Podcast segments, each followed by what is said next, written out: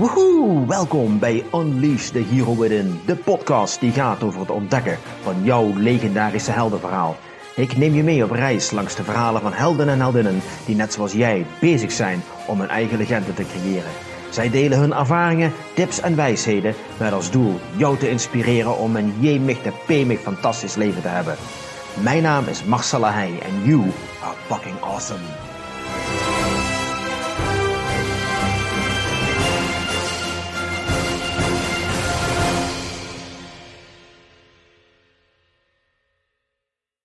Welkom bij een nieuwe aflevering van Unleash the Hero Within. En vandaag heb ik een echte heldin voor me zitten.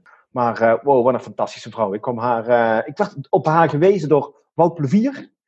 Die uh, liet me kennis maken met haar en ik ben over haar gaan lezen. En ik dacht van wauw, deze vrouw wil ik gaan interviewen. En deze vrouw is Jessie van Loon.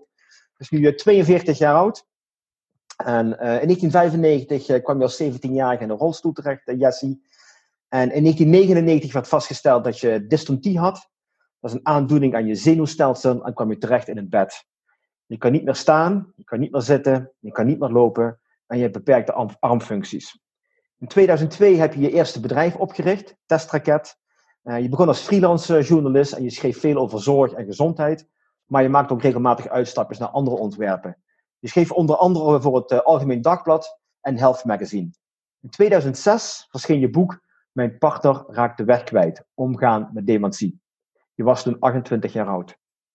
In 2010 stapte je over naar online marketing en hielp je ondernemers met het ontwikkelen van een succesvolle blogstrategieën. In 2017 heb je de Business Blog School opgericht. Daar leer je gepassioneerde ondernemers hoe ze hun kennis en visie kunnen delen in aansprekende teksten. De taal die je nodig hebt om de klanten aan te trekken die bij jou horen. Naast het feit dat je alles weet over bloggen, ben je ook nog eens een SEO-expert. En daarnaast steun je het eh, Liliana Fonds, en dat fonds helpt kinderen met een handicap in Afrika, Azië en Latijns-Amerika. Nou ja, zie, dat is een uh, hele mond vol. Ja, als ik het allemaal zo op een rijtje hoor, dan denk ik, ja, het meeste klopt wel. Het meeste klopt wel? Ja. Maar waren er een paar dingen die ik, uh, waar ik een beetje langs zat? Nee, je zat er niet langs. Alleen de eerste zin, we hebben een heldin, dat is er eentje die ik niet zo voel. Maar de rest, als je hem daarna opsomt wat ik heb gedaan, denk ik, ja, wat grappig om dat zo eens een keer op een rijtje te horen. Want normaal gesproken stel je je niet op die manier voor. Nee, maar hoe voelt het aan als je nou zo voorgesteld wordt op deze manier? denk je, jeetje, wat is er veel gebeurd in die tijd? Ja. ja, en er komen allerlei herinneringen boven. Ja, leuk is dat, toch wel. Ja. ja, klinkt toch wel als een heldin. Trouwens, het mooie van een held of een heldin is dat hij zichzelf vaak niet als een held ziet uh, eigenlijk, hè? Ja. Een held, inspirerend voorbeeld. Want ja, de waarheid is natuurlijk wel dat jij al twintig jaar aan het bed gekluisterd bent. Zelfs 21 jaar. Dus laatst heb ik nog een post gedeeld dat ik zei van jongens, mijn bed is nou volwassen geworden. Maar ik heb het idee dat hij niet voorlopig het huis uh, zal verlaten. Het is natuurlijk heel erg bijzonder. Iemand die al 21 jaar op bed ligt en ontzettend veel gedaan heeft. Ook twee bedrijven opgericht. Je schrijft ontzettend veel. Je, je steunt het Milianenfonds. Daar ben je actief ook nog voor. Dus hoe doe je dat? Want ik, wil, ik heb zelfs het idee dat je misschien zelfs meer doet dan iemand die niet aan een bed gekluisterd is. Ja, dat, kan ik moeilijk vergelijken. Ik weet wel van mezelf waarom ik ooit begonnen ben. Kijk, ik ben zo'n 35 uur per week cliënt en patiënt. Als zijn de rollen. Hè? De rol van degene die therapie nodig heeft, waar de huisarts langskomt, uh, maar wie het allemaal niet zo lekker loopt, zeg maar. En cliënt als uh, uh, iemand die persoonlijke verzorging nodig heeft, die niet zelf het huis kan onderhouden, dus waar de thuiszorg langskomt.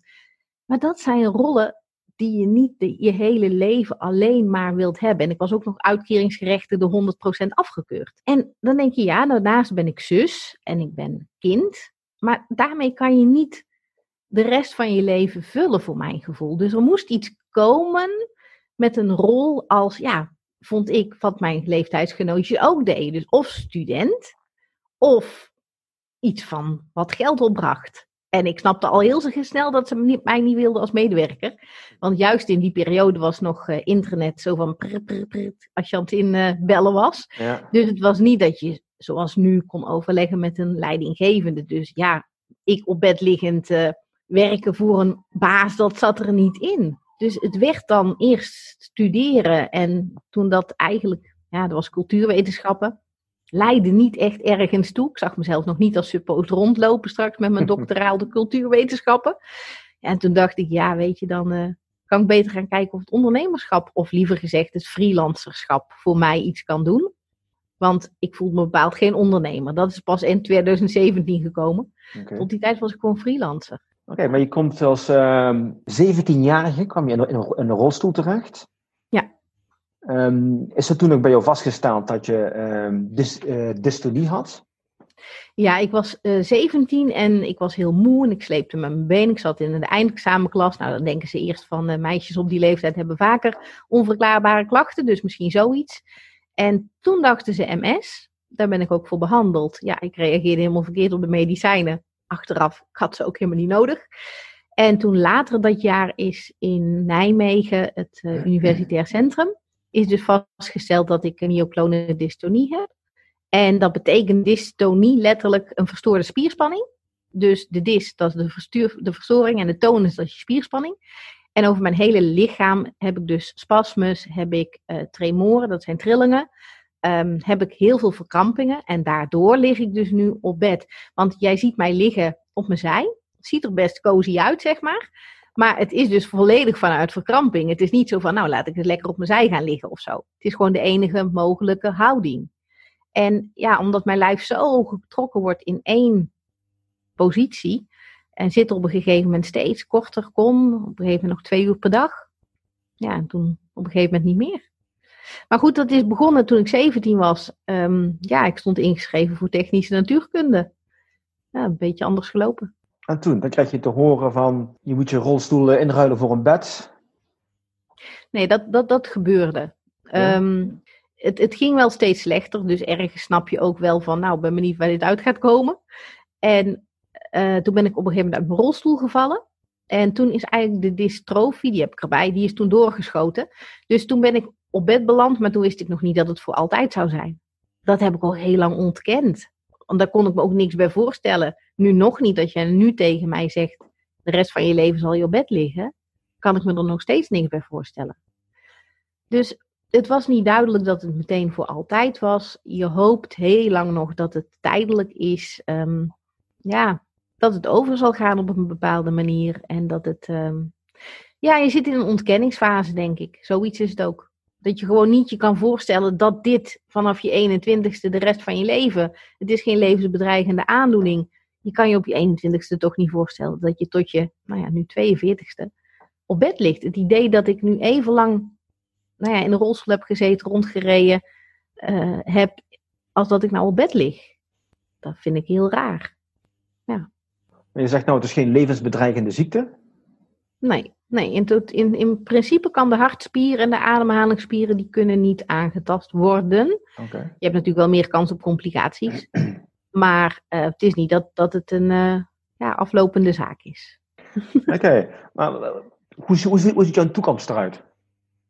Ja, dat wist ik toen niet en dat wist ik nu nog niet. Ehm, sowieso, ik kom niet, dit bed niet uit. En ook de afgelopen twintig jaar vind ik dat er best wel schommelingen zijn geweest. Maar voor de buitenstaanders is het gewoon van ja, ze ligt nog steeds op bed. En ze beweegt haar handen niet en ze kan niet zitten. Dus er verandert niet zoveel. Terwijl, ja, je hebt periodes waarin het beter gaat en waarin het minder goed gaat. Meer pijn, minder pijn. Ehm, heel veel periodes van misselijkheid. Dat je wel zelf merkt van het, het, het is niet stabiel. Nee. Ja, welke kant het op gaat. Ik ben op een gegeven moment mijn stem kwijtgeraakt, opnieuw moeten leren praten. Ja, en dan op dat moment denk je van, als dit niet terugkomt, dan kan ik dus mijn computer niet bedienen, want die bedien ik met mijn stem. Ehm, ik kon er geen mensen meer bellen. Dat was in 2007 zoiets. Ja, dan, dan is het in één keer heel erg beperkt als je geen handfunctie hebt. Ik ben wel heel erg op mijn stem aangewezen. En toen bleek dus dat mijn stembanden ook waren aangetast. En eh, toen hebben ze me opnieuw leren spreken vanuit mijn zangstem. Dus wat jij nu hoort in zijn zingende Jessie. Is dat zo, ja? ja, echt. Maar goed, ook daar geldt dan dus weer dat je gelukkig iemand treft van logopedie. Die al heel snel denkt, oké, het heeft geen zin om op jouw spreekstem te gaan zitten, want die is, weg, die is weg. Wat kunnen we doen? Nou, wacht even, je hebt van die stotteraars die briljant kunnen zingen. Nou, kunnen we daar niks mee. Want je hebt twee centra in je hersenen die de stembanden kunnen aansturen. Je zangcentrum en je spreekcentrum. Miss Montreal, die stottert tot ze gaat zingen. Was op een gegeven moment British Got Talent. Ja. Die is gewonnen door een operazanger. En ja. stotteren, zo, tot die ging zingen. Ja, en dat was dus eigenlijk wat mijn logopediste de, de boerenverstand noemde. Ze zegt, ja, daar ben ik maar eens aan gaan denken. Zo van, wat kunnen we dan met jou doen? Probeer eens te zingen. En er kwam geluid uit. Dus toen heb ik een tijdje ook echt, ja, ik kon niet meer communiceren, tenzij ik zong. Dus toen was het, mag ik een kopje thee? Nou, dat lukte. En dan ga je dat langzaamaan naar, mag ik een kopje thee? Mag ik een kopje thee? Mag ik een kopje thee? En dan kan je dus je zangstem onderdrukken, richting dat het klinkt als spreken, maar de aansturing is nog steeds vanuit je zangcentrum. Nu wel, ja, want mijn spreekstem die is weg. Ja. Maar wat, wat, is, wat is het verschil tussen die twee? Is dat echt iets wat in, je, in onze hersenen zit?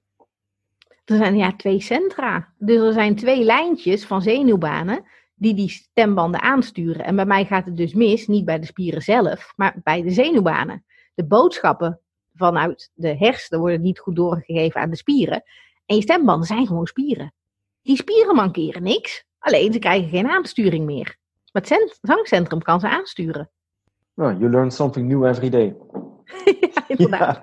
Ja, ja, heel erg bijzonder. Ik bedoel, je hebt een gigantische uitdaging op jouw pad gekregen eigenlijk. Hè? Je hebt er straks eventjes over gehad. Het rotsblokken op jouw pad. Je hebt er toch voor gekozen om niet bij de pakken neer te zetten. Je bent gaan schrijven. Is dat, is dat altijd iets geweest wat je gedaan hebt? Schrijven? Ook voordat je... Nee? Totaal niet. Er liggen bij mij geen onvoltooide romans en ook geen... Uh, als tiener dagboeken, lief dagboek. Nee, absoluut niet. Ik was, had niks met taal. Okay. Ik had niks met taal, ik had niks met mensen.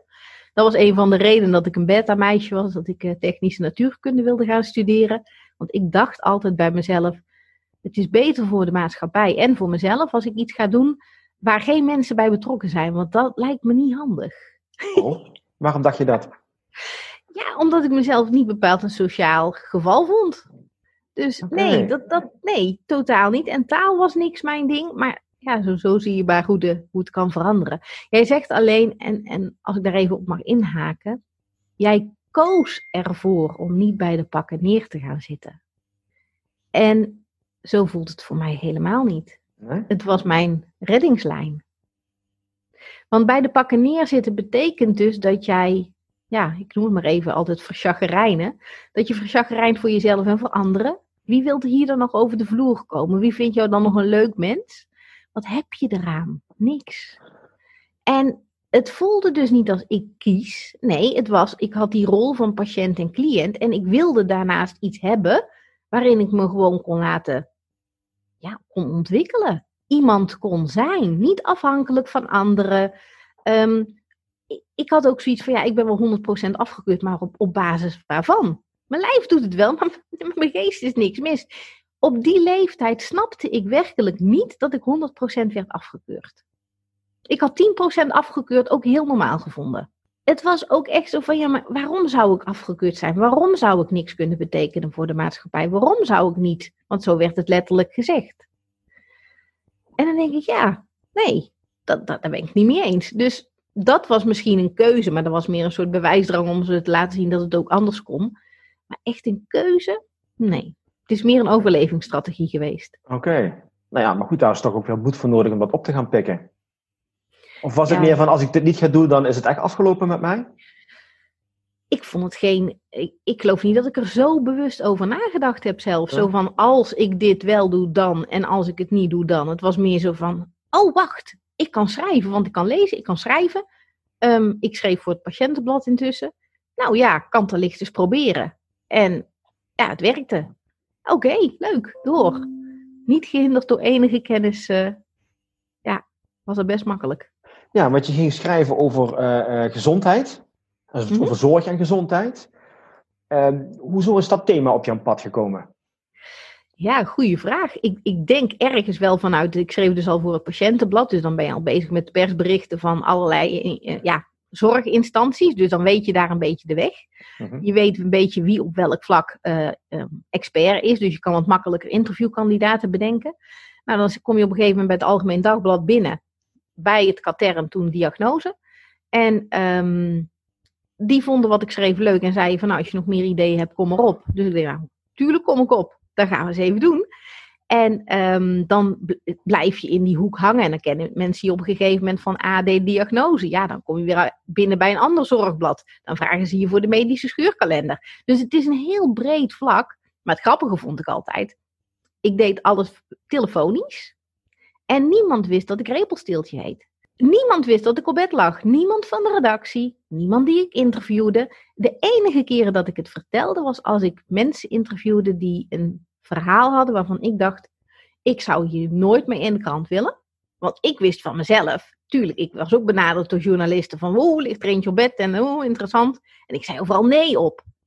Maar ik was ook zo'n journalist in feite. Dus mensen vertelden mij verhalen en waren open tegenover mij. En ik dacht, dit zou ik nou zelf nooit doen. Terwijl ik het wel een boeiend onderwerp vond. Heel krankjorum eigenlijk. Ja. Als dan iemand bereid was dat mij te vertellen, dan vertelde ik heel kort waarom ik niet persoonlijk naar ze toe kwam. Ik vertelde er vaak niet bij dat ik blijvend op bed lag, want dan denk ik, nee, dan ga je aandacht op jezelf vestigen. Moet je journalist, vind ik niet doen. Maar dan vertelde ik wel van, joh, het is geen onwil. Want ik zou heel graag naar Friesland reizen om jouw verhaal te horen. Want alleen al het feit dat je het wil vertellen voor de krant vind ik zo onwijs, ja, dat je dat durft, dat je dat doet. Dus ik zou het heel graag voor je doen. Maar ik lig op dit moment op bed. Nou, daar gingen mensen meestal uit van een hernia of weet ik veel wat. En dan liet ik het maar zo. Maar die mensen vertelden ik het dan wel, maar de redacteur van de krant die hoorde het niet. Tja. Ja. En is er ooit een tijd gekomen dat je ehm, gedacht hebt, nou misschien moet ik toch maar naar buiten komen met mijn verhaal? Want je hebt het best wel lang volgehouden op die manier. Nou, de, ik weet nog, de eerste keer dat ik het vertelde, dat was in 2006, was uh, tegen iemand van Health, waar ik een goed contact mee had. En um, ik had nooit gejokt om de situatie. Ik bedoel, dat hoefde niet. Ik vertelde gewoon niet de hele waarheid. En toen belde ze me op een gegeven moment echt ongelooflijk lief. Ze zegt, we hebben het erover gehad op de redactie. Wij denken dat jij niet zo van menigtes houdt. Want jij komt nooit op de zomerborrel, de kerstborrel. En wij willen jou gewoon graag een keer zien. Dus weet je wat we gedacht hebben? We nodigen je gewoon uit en we zeggen erbij: kom maar als het jou een keer uitkomt. En uh, de enige is dat jij iets lekkers mee moet nemen voor de koffie. En ik hing op en ik denk, ja, maar wacht even. Zij zijn zo lief dat ze na gaan denken, hé, hey, er is iets bij haar waardoor ze dat, nou weet je, we bieden er iets anders aan. Ja, nou wordt het jok als ik het nou niet vertel. Dus ik heb teruggebeld en gezegd, Francine, nou eventjes tijd voor uh, de waarheid. Zo, zo, zo, zo. Wow, oké, goed. Hadden ze niet aanzien komen dus. En uh, twee weken later zat zij hier en hadden wij een heel tof gesprek. En nou ja, goed, hartstikke leuk, kennis gemaakt met elkaar. En een van de dingen die zij zei in dat gesprek was van, ja, wat we zo gaaf vinden, onder andere aan jou, is dat je nooit een deadline mist. Ik denk, nou ja, vind ik logisch, want je bent journalist en je hebt deadlines. Ik zeg, ja, maar wat, wat, dan, wat dan wel? Nou, zegt ze, meestal is een deadline zo'n om- en nabij datum. Ik denk, oh, weer wat geleerd ik verontschuldigde me al als het om tien over twaalf s'nachts was. Dan denk ik, ja, officieel is het nou eigenlijk 24 juli. De deadline was 23 juli. Oeh, oeh, oeh, oeh. Maar was altijd op tijd. En vervolgens, twee weken later, kwam de briefing voor het volgende nummer. En in plaats van dat daar een deadline stond, stond er: kijk maar wanneer het jou uitkomt. Hm. Ik denk, wow. En ik heb de telefoon gepakt zonder nadenken. En ik ben denk ik best wel fel geweest. Ik heb gezegd, Francine, luister. De reden dat ik het vier jaar niet heb verteld, is omdat ik niet anders wilde worden behandeld als al die anderen. Jij komt bij mij, jij verzekert me, er is niks veranderd. Helemaal niks. Het is alleen dat ik nou weet dat je op bed ligt. Ik zeg, en nou krijg ik deze briefing en er staat geen deadline op. Wil je dat alsjeblieft nooit meer doen? Hmm. En als ik eraan terugdenk, denk ik, oh man, dat was echt best wel heel fel. Maar ik, ik was zo in shock. Zo van, ja, zie je, dit, dit is nou net waarom ik het nooit wilde vertellen. Ik wil niet anders behandeld worden dan anderen. Want daaruit haalde ik denk ik ook mijn vertrouwen, mijn zelfvertrouwen misschien wel. Ja, natuurlijk. Als mensen dat niet weten en je wordt beoordeeld op jouw werk, dan word je beoordeeld op je werk en niet op jouw situatie wat misschien medelijden kan opwekken, waardoor mensen je automatisch anders gaan behandelen. Ja, en je wordt al voor je gevoel, omdat je dus cliënt en patiënt bent, heb je al die rollen. En dan wil je er ook een rol bij hebben waarin je gewoon meedoet met de andere freelancers. Ja, ja, ja. Dus, dus mijn werk is ook mijn redding. Ja, absoluut. Het, het moet wel trouwens. Dat denk ik me net. Dat is gewoon wie jij, dat is een deel van wie jij bent. volgens mij wel. Ja. dus het was geen keuze, want, want daar zo kwamen we erop. Hè, dat je zei, het was een keuze om niet bij de pakken neer te zitten. Het was geen keus. Ja, doe je goed. Hey, um, jouw boek van in 2006 uh, heb je een boek geschreven. Ja. Uh, toen was je 28 jaar oud. En toen schreef je een boek dat gaat over omgaan met dementie. Mijn partner raakt de weg kwijt. Ja. Oké, ja. iemand van 28 jaar die een boek schrijft over dementie. Dat vraagt voor een toelichting.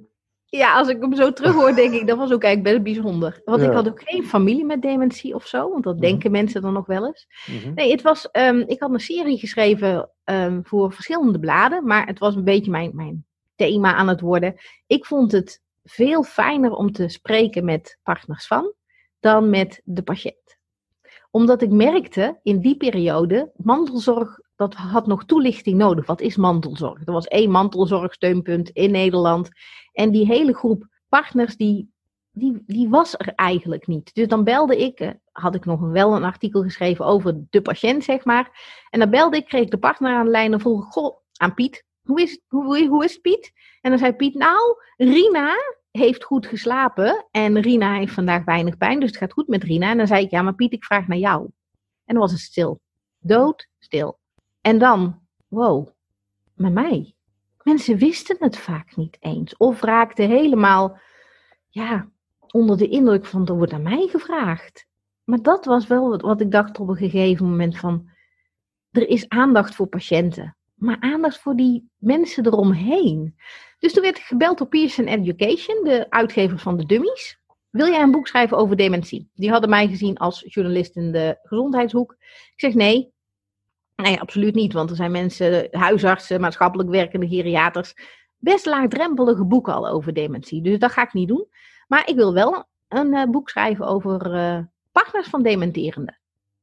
Ik had ook geen tijd om erover na te denken. De telefoon ging en Later hing ik op, want ze hadden dus gezegd, nou, dan lijkt ons weer niks. Ik zeg, nou, als ik uh, gooi het in de groep en als het oké is, dan schrijf ik graag een voorstel. Ik denk, heb ik nou toch weer gedaan? Maar goed, maakt niet uit. Gebeurt in het moment, zeg maar. En later wilden ze het voorstel. Ik zeg, ja, maar je hebt honderdduizend mensen met dementie die thuis wonen. En om die mensen, om die partners eigenlijk gaat het me. Omdat er dan achter de voordeur al zoveel gebeurt, wat je aan de buitenkant niet ziet. Die mensen zijn al uit elkaar aan het drijven alsof het twee ijsschotsen zijn. En de eenzaamheid en het schuldgevoel wat ik tegenkwam bij die partners, dat raakte mij zo enorm. Vraag me niet waarom, want ik weet het nog steeds niet. Maar ik dacht, daar wil ik wat mee. Ik wil een boek dat erkenning biedt voor hun eenzaamheid, herkenning biedt, want je bent niet de enige. Kijk, nu heb je mantelzorgsteunpunten, je hebt mantelzorg, ehm, verlof, weet ik wat je allemaal hebt. En nog steeds denk ik dat die groep heel veel aandacht nodig heeft. Ehm, maar dat was het toen allemaal niet. En ik zei, er zijn honderdduizenden mensen die ermee te maken hebben. En daaromheen ook weer mensen. Waarom denken jullie nou dat dat geen niche is in de markt? Nou, toen heeft Pearson ja gezegd. En toen heb ik een boek geschreven. En toen ben je, je dus eh, mensen gaan interviewen die partner waren van mensen met dementie? Ja, maar ook alle uh, mensen eromheen. Hè. ik heb met, met, met ja, alle beroepen gesproken. Met mensen van de hersenbank, met geriaters, met maatschappelijk werkenden, met uh, inderdaad heel veel partners. Mhm. Maar um, het boek gaat natuurlijk ook voor een deel in wat nou dementie is. En uh, daarna van oké, en wat gebeurt er dan bij de partner? Ik kan me voorstellen dat het best wel een populair boek is, want ja, dementie komt helaas nog heel erg veel voor. Ja, dus, uh, dat, uh, ja, het heeft ook herdrukken gehad, alleen toen op een gegeven moment stopte de serie. Die is toen uit de schappen gehaald en toen konden dus niet herdrukt worden. Oh. Intussen, en daar ben ik eigenlijk heel blij om, is een groot deel van het boek achterhaald. Want er stonden ook um, adressen in van mantelzorgsteunpunten. Ja, je hebt ze nu in elke gemeente. Er waren toen een paar kleinschalige wooninitiatieven, maar dat was nog zo nieuw. Nou, dat heb je nu op veel grotere schaal. Um, dus wat dat betreft is er gelukkig ook veel veranderd in die, ja, 2006 hè? Oh man, ja, ja, bijna 15 jaar geleden. Ja, precies. Doe, je er nog steeds iets mee met de dementie? Is dat nog steeds een thema wat terugkomt in je leven? Of?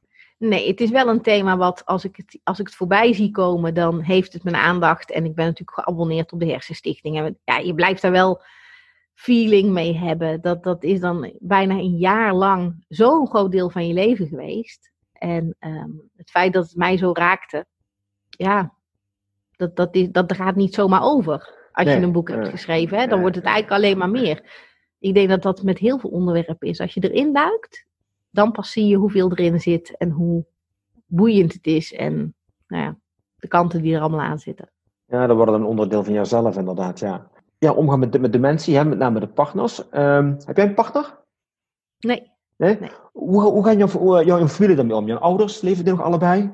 Ja, ik heb gelukkig eh, gezonde ouders Ja. in de 70.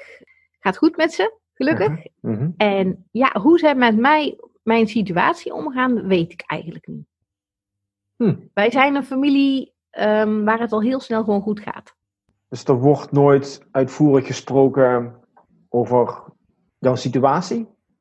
Nee, nee, nee. En ik denk dat, dat we ook geen van allen weten hoe we dat zouden moeten doen. Dus het is een, we zijn heel erg een familie van praten, van Ja. kletsen. Ja. Maar als het over zo, zulke dingen gaat, ook toen ik net ziek raakte, nee, nee. Maar ik weet zeker, het overkomt je als gezin. ja, zeker. Ja. Alleen als 17-jarige zie je dat weer veel minder. Dat, dat zie je pas weer later. ja. Maar wat het precies met hen doet, dat, dat weet ik niet. Heb je zoiets van, nou, het is goed zoals het is? Of heb je zoiets, ik zou best wel eens een keer met hun dat gesprek aan willen gaan? Ja, ook wel eens een keer een soort van openingetje gezocht. En ik, het, het, het werkt niet helemaal. Nee, ik denk dat we allemaal een beetje bang zijn voor emoties. Misschien ook bang zijn om eerlijk te zijn naar elkaar. Want soms is eerlijkheid hè, ook wel iets wat, wat pijn kan doen. Ja, en je zit ook in een familiesysteem, hè, waarbij je gewend bent dat je wel of niet praat over emoties. Nou, bij ons werd er thuis dus heel veel gekletst. Mhm. Maar de emoties, denk ik, dat was vooral samen muziek maken. Ja, ik denk dat er dan meer emotie was dan, ehm, dan in het gesprek. En we praten wel heel veel. Maar ja, nogmaals, niet over dat soort wezenlijke zaken. Of hoe weet ik. Ik weet ook niet of het nodig is. Ik denk dat er dat ook wel eens is. Dat daar ook wel eens op afgeketst is. Van kind is dit nou nodig? We worden er alleen maar verdrietig van. En eh, dan geef ik je liever een knuffel en dan is het ook goed. Ja. ja, dat is ook. Ik kan me daar ook wel iets bij voorstellen, inderdaad. Heb je wel andere mensen waarmee je praat over wezenlijke zaken? Jawel, maar dan is het meer beroepshalve, omdat je, dat, weet je, ik, ik zit dus ook in dat familiesysteem, dus ik, ik voel me al gauw een klager. Dus ehm, de mensen tegen wie ik heel makkelijk open en eerlijk ben, dat zijn dan mensen die, ehm, nou ja, ervoor gestudeerd hebben. En eh, eh, van wie je weet, van, die stappen mij bij de deur uit en die schudden het van zich af en die gaan door naar hun volgende cliënt. Dus dat vind ik veel makkelijker om dan ehm, ja, te vertellen wat mij bezighoudt, of wat me verdriet doet, of waar ik het moeilijk mee heb. Ehm, ik ben wel opener geworden in de loop van de jaren. Hè, dat, dat, dat feit dat ik hier nu ben, dat is eh, ja, tot een jaartje of, nou, eigenlijk één jaar geleden, Hm. was dat een complete on, on, ondenkbare situatie geweest. Ja, en vaak is het ook eh, makkelijker om tegen een, een vreemdeling eigenlijk, om daar helemaal open en eerlijk tegen te zijn. Klopt. Maar, Ja. maar zo werkt het wel, ja. Ja, nee, maar goed, dat is toch fijn. Ik bedoel, als je het maar kwijt kunt. Zolang je het niet zelf opkropt en je er zelf geen probleem mee hebt. En kijk, weet je, daar komt bij mij schrijven om de hoek kijken. Ehm, ik kan gruwelijk en grenzeloos eerlijk zijn op papier. Zeg, dat is wel een hele mooie inderdaad. Misschien is dat wel jouw uitlaatklep tussen aanhalingstekens. Nou, laat dat misschien maar weg. Meer dan. Het is alles voor mij. En ik ben er bijna van overtuigd dat ook mensen met een partner schrijven nodig hebben. Dat die ook eerlijker kunnen zijn tegen hun papier dan tegen hun partner. Want tegen wie jij ook praat, ik denk dat je op, al is het op onbewust niveau, rekening houdt met de ander. Als er één plek is waar je dat niet hoeft te doen, dan is het als het gaat tussen jou, je gedachten en je papier. Dus mijn papier was alles. Goed, het was dan een document op de PC. Maar ik schrijf het van me af. Ik mopper een kwartiertje en kan daar- daardoor positiever de dag in. Want ik ben het kwijt. Ik heb het van me afgeschreven. Ik denk mijn businessplannen uit op papier. Ik denk op papier. Ik order mijn gedachten op papier. Ik, voordat ik ja heb gezegd op jouw podcastverzoek, ben ik erover gaan schrijven. Want als ik erover denk, het enige wat ik kon denken was, "Ah, eng. Dus ik ga nee zeggen. Dan ga je schrijven en dan denk je, oké, dit is wel een manier om te erkennen dat mijn situatie bij mijn, ja, dat dat geen geheim is. Oké, misschien toch een reden om ja te zeggen. Ik ook wel, ja, ik vind gewoon de gesprekken die Marcel houdt met anderen, vind ik mooie gesprekken. Hm. Hm. Oké, dus ik hoef ook nergens bang voor te zijn. Hij eet me niet op. hm, misschien is het ook wel een soort van uitdaging. Als ik het wel doe en ik overleef het en het was nog leuk ook. ja, wie weet wat. Ja, dan leer ik er dus weer heel veel van over mezelf. En daarom heb ik op een gegeven moment ja gezegd. Maar ik moest er eerst over schrijven. Want op, op, in mijn hoofd wordt denken piekeren. En op papier wordt denken doordenken. Knopen doorhakken. Het hele plaatje zien. Kunnen uitzoomen. Je zegt dat je schrijft heel veel. Dat is natuurlijk heel bijzonder eigenlijk. Hè? Want je kunt je handen niet gebruiken. En je schrijft ontzettend veel. Hè? Je vertelde me net, uh, je hebt een spraakgestuurde PC. Ja. Uh, daar kun je dus mee lezen en schrijven. Um, um, al jouw, of niet al, maar heel veel van jouw gedachten komen dus op het scherm terecht. Ja, daardoor kreeg ik ook van heel veel mensen te horen. Dat was wel altijd wel grappig, want dan kom je weer bij niemand weet dat ik Rebelstiltje heet. Dan schreef ik voor het Algemeen Dagblad en dan kreeg ik als feedback. Wat we zo fijn vinden bij jouw uh, tekst is dat ze zo spreektalig zijn, alsof je echt de lezer aanspreekt. Ik denk, ja, je moest dus weten. Hm. Ik heb dit ook ingesproken. Alleen, dat wist men niet. Maar dat is wel altijd het soort van compliment geweest wat ik kreeg, waardoor ik me ook ging realiseren van het gaat dus om spreektalige teksten. Dan raak je mensen om mensen, ja, niet het, het, het, de schrijftaal waarbij je in je hoofd gaat, een vertaalslag gaat maken naar hoe het eigenlijk zou horen volgens onze leraar Nederlands, die nog in ons hoofd zit. Ja, ja. Maar waarbij je gewoon jezelf kan zijn en gewoon kan vertellen. Ja, en al dat voor mij werkte als journalist, waarom zou het dan voor anderen niet werken? Dus dat ben ik ook klanten gaan leren van hoe kan je nou in spreektaal schrijven? En iedereen merkt van hey, engagement neemt toe, meer mensen reageren op social media, mijn blogs worden beter gelezen. Um, maar ja, allemaal dankzij het feit dat ik dus inderdaad met spraakgestuurde uh, teksten ja, werkte. Ja. Er zit wel een vorm van, van, van ironie in, moet ik zeggen. ja, eigenlijk wel. Ja, ja, want vertel eens wat meer over, over spreektaal. Vertel eens wat meer over jouw, over jouw bedrijf. je Business Blog School. Je, Ja. helpt, je helpt mensen hun stem op papier te zetten. Hun stem vermengd met emotie. Mm, Ja en nee. Ehm, het, het begint met je stem vinden. Ja. Want wat we vaak zien is op websites, zeker als mensen hun teksten zelf hebben geschreven. En ik herken het hoor. Ik deed het ook toen ik net begon voor Business Blog School. Kijk, bloggen voor anderen was geen probleem. Dat was net als journalist. Je schrijft een opdracht en dan schreef ik gewoon hun spreektaal. Ik luisterde goed hoe zij spraken. Hun stopwoordjes. Ik gebruikte het allemaal in die teksten. Dan ga je voor jezelf beginnen. En toen merkte ik ook van, hé, hey, ik ga nou veel meer mijn teksten polijsten. En herschrijven. En editen en re-editen. En de herziene versie nog eens een keer herzien. En dat zag ik ook bij mijn klanten gebeuren. En dan schaaf je niet bij, maar dan schaaf je eraf. Je schaaft eerst de persoonlijkheid, die gaat eruit. Dan alles wat een beetje stelling en een beetje stellig is. Ja, voor de veiligheid doet dat er ook maar uit, want dat is een beetje eng. Dan gaat nog het stukje spreektaal eruit. Want nee, ze hoorden het niet. En wat blijft over? Ja, een 13 in dozijn stukje tekst. Wat, ja, ga maar naar Wikipedia, dat is nog leuker om te lezen. Bij wijze van even kort door de bocht. Nou, dat zag ik gebeuren bij heel veel mensen. En ik denk, ja, maar wat we nodig hebben is spreektaal. Want dat is letterlijk, dat staat ook met, met hoofdletters steeds bij mij op de website. Schrijf aan sprekende teksten. We zeggen niet, goh, wat schrijf jij mensen lekker aan? Nee, wat spreek jij mensen lekker aan? Maar dat ga je doen met geschreven content. Dus dat moeten aan sprekende teksten zijn. En een van de tips, kijk, omdat ik dus weet, ik dicteer tegen mijn computer, is ook altijd van gebruik nou eens die spraakrecorder op je telefoon. Vertel iets over een onderwerp, luister terug. En de zinnen die echt klinken als jij, schrijf die als eerste op. En dat is jouw uitgangspunt voor jouw blog of voor jouw post. En dan heb je al een flink stuk meer persoonlijkheid erin zitten. Dat is al een leuk begin, vind ik altijd, om mensen te laten zien wat is nou spreektaal. Wat ik ook vaak doe, vinden mensen iets minder geslaagd dan laat ik ze eerst een stukje voorlezen van hun eigen website. En dan zeg ik, oké, hoe klonk dit nou? Want dan zeg ik, hè, luister. En er zijn maar een paar zinnen. Ja, ja, wel, wel oké. Ik zeg, klonk het ook als jij? Alsof jij daar op het podium iets stond te vertellen? Nou, niet helemaal. Neem ik ze mee naar Wikipedia, dan willekeurig tekst. Dan hebben ze van, moet ik gaan doen? Ik zeg, dit ga je nou met, met gevoel voorlezen, met persoonlijkheid. Willem van Oranje werd geboren in ja, dat lukt mensen niet.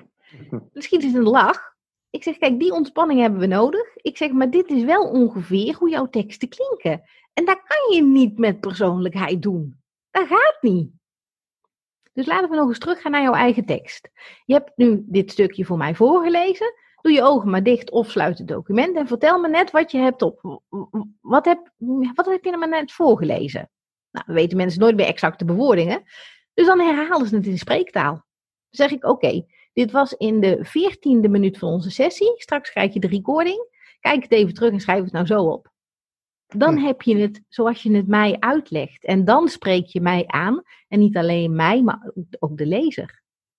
Dus dat zijn gewoon hele simpele tips waarmee je al kan beginnen. En waarmee je ook kunt checken van. Want sommige mensen kunnen het wel, die hebben daar een soort natuurtalent voor. Die schrijven in spreektaal. Maar de meeste mensen hebben toch dat stemmetje in hun hoofd van nee, nee, het moet netjes zijn. Je mag niet met ik beginnen, onze generatie. Je mag niet met en beginnen, een nieuwe zin. Allemaal dat soort onzinnige regels. Ja. Dus ja, ik vind spreektaal leuk. En het is ook heel leuk om mensen daarbij te, te helpen. Ja, want uh, werk je nog steeds als freelance uh, journalist of niet meer? Nee, dat, dat, eigenlijk ben ik de uh, online marketing ingerold vanwege de bankencrisis. Uh, dat, uh, nou ja, bijvoorbeeld diagnose hè, werd al heel snel opgedoekt. Op een gegeven moment ging het AD samen met uh, de Limburger en waar, waar, je nu ook kijkt, al die bladen zijn tot de GPD-bladen, geloof ik dat het zijn, um, gefuseerd. Dus -hmm. ze hebben steeds minder freelancers nodig, laat staan voor lange artikelen. En ik schreef lange achtergrondartikelen. Dus ja, ik moet helemaal terug beginnen. En toen ik dus weer had leren praten, had ik helemaal terug moeten beginnen. En niemand zat meer op zijn plek. Ik had geen netwerk meer. En toen dacht ik, ja, nee, dit, dit, dit, dit, nee. nee. Het is voor mij tijd geworden om iets anders te zoeken. En toen de, de shift naar internet lag voor de hand, vond ik geen barst aan in het begin. Want dan ja, ging ik over jouw pagina schrijven en ik voel, ja, woe. En toen kwam zakelijk bloggen een beetje overgewaaid vanuit Amerika. En dan mag je eigenlijk weer een beetje de journalist spelen. Toen werd het weer leuk. Dus toen ging je daar heel erg van genieten. En dan zie je ook wat dat doet voor de zichtbaarheid van iemand. En op een gegeven moment denk ik van ja, nou is het leuk dat ik facturen schrijf, maar een beginnende ZZP'er kan mij niet, ja, die kan mij niet betalen. En ik vind het eigenlijk nog veel leuker als een coach gewoon in zijn eigen bewoordingen gaat bloggen. Dus ik wil dat mensen gaan leren. Ja, toen ben ik een beetje uit mijn schulp gekomen. Maar ook niet meteen. Hè. Ik had twee contacten op LinkedIn, geloof ik. En ik deed niet aan filmpjes en ik had nergens een foto van mezelf staan. En ik dacht, ja, god, dit, dit zou nou toch moeten gaan lopen.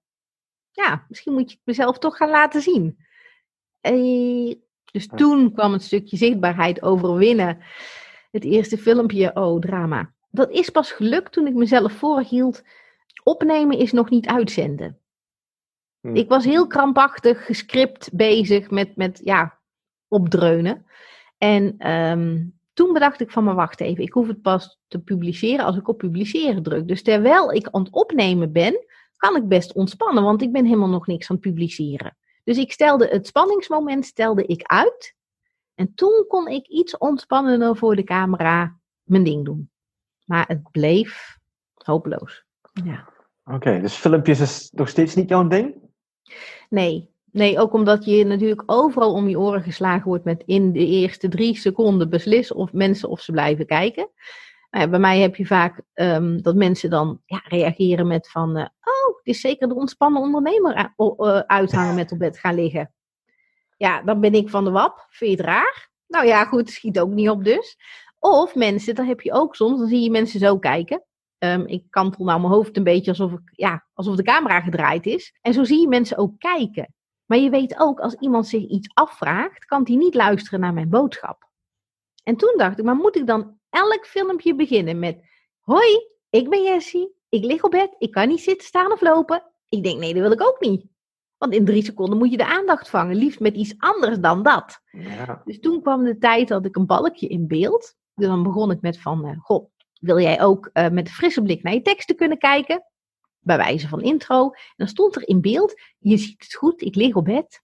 Maar daar gaan we het nou niet over hebben. hm. En dat was dan mijn manier om me toch te tackelen. Zo van, ja, als ik het iedere keer moet gaan vertellen. Nee. Dus ja, stapje voor stapje uit de comfortzone. Oké. Maar is dat wel iets wat je verder wilt gaan ontwikkelen? Dus van blogger naar vlogger? Nee, vloggen absoluut niet. Nee? Maar um, wel, wel zoiets van, in mijn eigen Facebookgroep durf ik nu echt wel live te gaan. Dat vind ik niet eng meer. Dus wie weet, ik ben nu in een podcast. Ah, dit wordt geloof ik ook een filmpje. Hm. Dus ja, dat hoorde ik ook pas net. Dank je wel. ja, ja. Nee, maar goed, dat, dan help je me wel om mijn comfortzone uit te komen. En als dan uh, op een gegeven moment, nu weet ik ook wel hoe ik reacties kan tackelen. Als mensen uh, dus binnenkomen met van, ah, nou, die denkt ook zeker, ik ga erbij liggen. Ja, ik raak daar nou niet meer compleet van van de wap. Maar in het begin wel, als je zo onzeker bent ergens over, dan raak je dat. Als je iets steviger in je schoenen gaat staan wat dat betreft, raakt het je minder. Dus ik hoop daarin te groeien, dat het op een gegeven moment ook gewoon als, als, ja, als een druppel van een eend kan afglijden. Ja, oké. En dan kun je ook meer filmpjes maken, meer jezelf laten zien, meer mensen helpen. Ja, misschien wel, maar ik, ik geloof ook nog steeds in geschreven content. Oh, dus het zou een beetje raar zijn als ik nu zou zeggen van ik stop met schrijven, ik ga vloggen.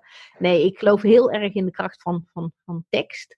Want je hebt ook tekst nodig om te zorgen dat mensen überhaupt je filmpje gaan bekijken, bijvoorbeeld. Hè? Absoluut. Dus als jij geen goede kop weet te verzinnen, dan gaat niemand het lezen. Dus tekst houd je altijd, volgens mij, altijd nodig. Ja. Hoe schrijf je een goede kop? Wat is een, aan welke criteria moet een goede kop voldoen? Wat moet die qua emotie oproepen? Nou, daar heb je hem al. Emotie. Liefst.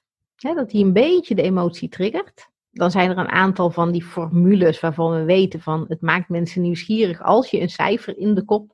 Maar ja, sommige mensen die, die gaan dat ook um, naar de kop toeschrijven. Dus die bedenken een goede kop en dan denken ze, ja, nou moet er nog een blog onder. En daar ben ik geen fan van. Dus intussen ben ik dat, dat ik tegen mijn klanten zeg van joh, eerst schrijf je het stuk en tot slot de kop erop. En die kop ontstaat vaak schrijvende. Dus je bent aan het schrijven en in één keer heb je een zin waarvan je denkt, wow, dit is een gave samenvatting, dan wel trigger voor mijn blog. En dan hoef je dus niet krampachtig eerst een kop te gaan bedenken. Dan loop je ook niet het risico dat je naar de kop gaat toeschrijven. Want als je bedacht hebt dat je zeven tips gaat geven om en je komt maar tot zes tips, dan moet je die zevende tips erbij bedenken. Dat is krampachtig schrijven, dat wil ik niet. Dus bij mij gaat het vanuit flow, laat komen wat er komt. Alles is oké, daar begint het mee. Later mag je gaan schaven. Maar in eerste instantie dat. En dan komt er echt wel een zinnen voorbij waarvan je denkt, dit is kopmateriaal. En dan is het ook veel makkelijker voor mensen, omdat ze weten van die kop komt vanzelf wel. Dat, dat dient zich wel aan. En, en zo ontstaan mijn koppen meestal ook. Natuurlijk test je er dan een paar tegen elkaar. op een gegeven moment weet je ook wel wat werkt. Maar om nou helemaal op die trucjes te gaan zitten en die titelformules, daar ben ik niet zo voor. Meer uh, stel je hart open, laat stromen wat eruit komt en zet dat op papier. Ja, en het grappige vind ik, het woord hart, wat jij gebruikt, ik gebruik het niet. En dat komt, denk ik, daar ben ik ook over gaan schrijven natuurlijk, hè? dus nou heb ik er een idee over. Ik ben heel erg een hoofd. Soms vind ik mezelf ook een talking head, omdat de rest van mijn lijf niet meedoet. Ehm, dus bij mij is de scheiding hoofd-lichaam, die is behoorlijk aanwezig. Een tijd lang is er ook een enorme scheiding hoofd-hart geweest. En um, ook moet eventjes mijn dingen uitzetten.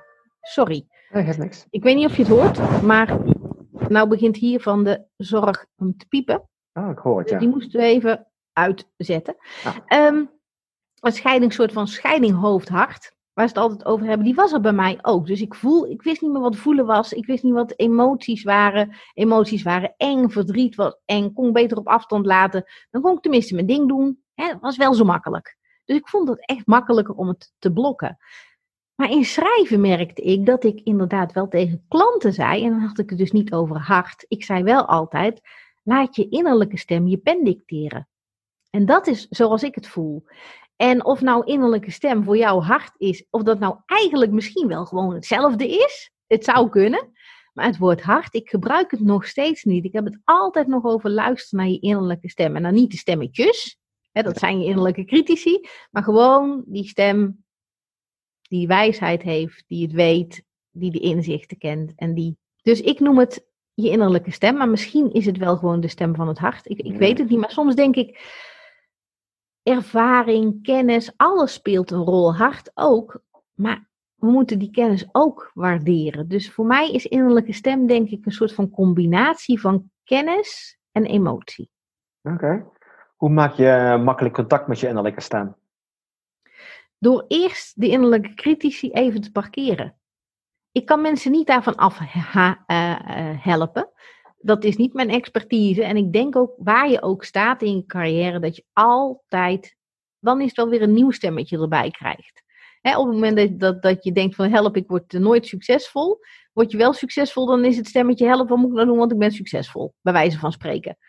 Dus ik denk dat je op elk niveau van ondernemerschap wel innerlijke stemmetjes hebt. En de ene toet harder dan de ander. Als je die weet te parkeren, en daar in mijn schrijfmethode gaan we daar ook echt op in en, en help ik mensen daar ook bij. Ehm, al is het maar voor vier minuten ze kunnen parkeren op de gang, dan is er ruimte en dan is het de kamer en dan is het weer jij, je gedachten en je papier. Je innerlijke stemmetjes, dus die innerlijke critici, die wringen zich als het ware tussen jouw gedachten en je papier in. En dan komt er op papier niet meer te staan wat jouw innerlijke stem dicteert. Dan zijn het je innerlijke critici die dicteren. Kan je ze parkeren, dan pas hoor je wat er in jou, in die stilte, naar boven komt. En dat is waar ik mensen naar meeneem om te gaan luisteren. Dus eerst echt de deur openen, de stemmetjes naar buiten schuiven. Ze staan op de gang. Even controleren, is de kamer voor mij? He, he. Pak diep ademhalen en dan eens gaan luisteren. Oké, en wat is er nu? En dan ga je schrijven en uit de eerste zin komt de tweede zin, komt de derde zin. Je leest niet terug, want dat zijn eigenlijk weer van, oeh, dt-fout. Dan ben je meteen uit flow. Dan door onderbreek je eigenlijk alsof je interrupeert. Alsof je zegt tegen die innerlijke stem zegt van even mond, even mond houden. Ik moet even de dt-fout veranderen. Dat schiet niet op. Laat die innerlijke stem nou maar. Die, die praat in jouw tempo en jij schrijft het op. En later ga je het ordenen. Later mag je het gaan redigeren. Maar laat nou eerst de boodschap naar boven komen. En die komt naar boven. Maar mensen durven er daar vaak ook niet op te vertrouwen. Zo van ja, maar als ik gewoon ga zitten en ik ga luisteren, dan is er helemaal niks. Beter luisteren. Of werken met de schrijfstarter. Dat doe ik heel veel nu in de Facebookgroep, omdat ik weet dat mensen een leeg papier eng vinden. Dus ik werk vaak met reflectievragen of half afgemaakte zinnen of uh, doordenkers of één woord. En dan komen mensen met de meest leuke invalshoeken en teksten um, om de hoek. En dat, ja, dat is leuk om te zien gebeuren. Inspiratie. Ja, ja die inspiratie geef je een klein zetje mee. Dat je niet zegt van joh, vanuit het niks, laat het nou maar komen. Want dat is soms een, een brug te ver. Mhm. Dus dan is dit een mooie tussenweg. Ja, ja heel mooi. Hey, toen straks uh, voor onze uh, podcast hebben we het even gehad over kwetsbaarheid op social media. Ja, bloggen en social media gaan natuurlijk hand in hand. Um, ja, het lijkt tegenwoordig vaak wel een soort ehm, ja, modetrend te worden, hè, kwetsbaarheid. Ik zag van de week uh, een foto voorbij komen van iemand die zei: Kijk mij nou, ik kom net uit bed, ik heb het niet opgemaakt, mijn haren zijn nog niet helemaal in model. en dat valt dan onder de categorie kwetsbaarheid. Hashtag puur. Hashtag puur, inderdaad. Dus ja, goed, dat is niet de kwetsbaarheid waar ik van aanga eigenlijk. Mm -hmm. wat, wat is jouw idee over kwetsbaarheid? Want ja, goed, voor jou is kwetsbaarheid natuurlijk wel een, een groot thema in je leven, kan ik me zo maar voorstellen. Ja, ah, Je doet nou al meer die, aan, deze podcast. Ja? Dat, dat uh, moet een stukje kwetsbaarheid uh, betitelen. Maar wat, wat is voor jou kwetsbaarheid op social media?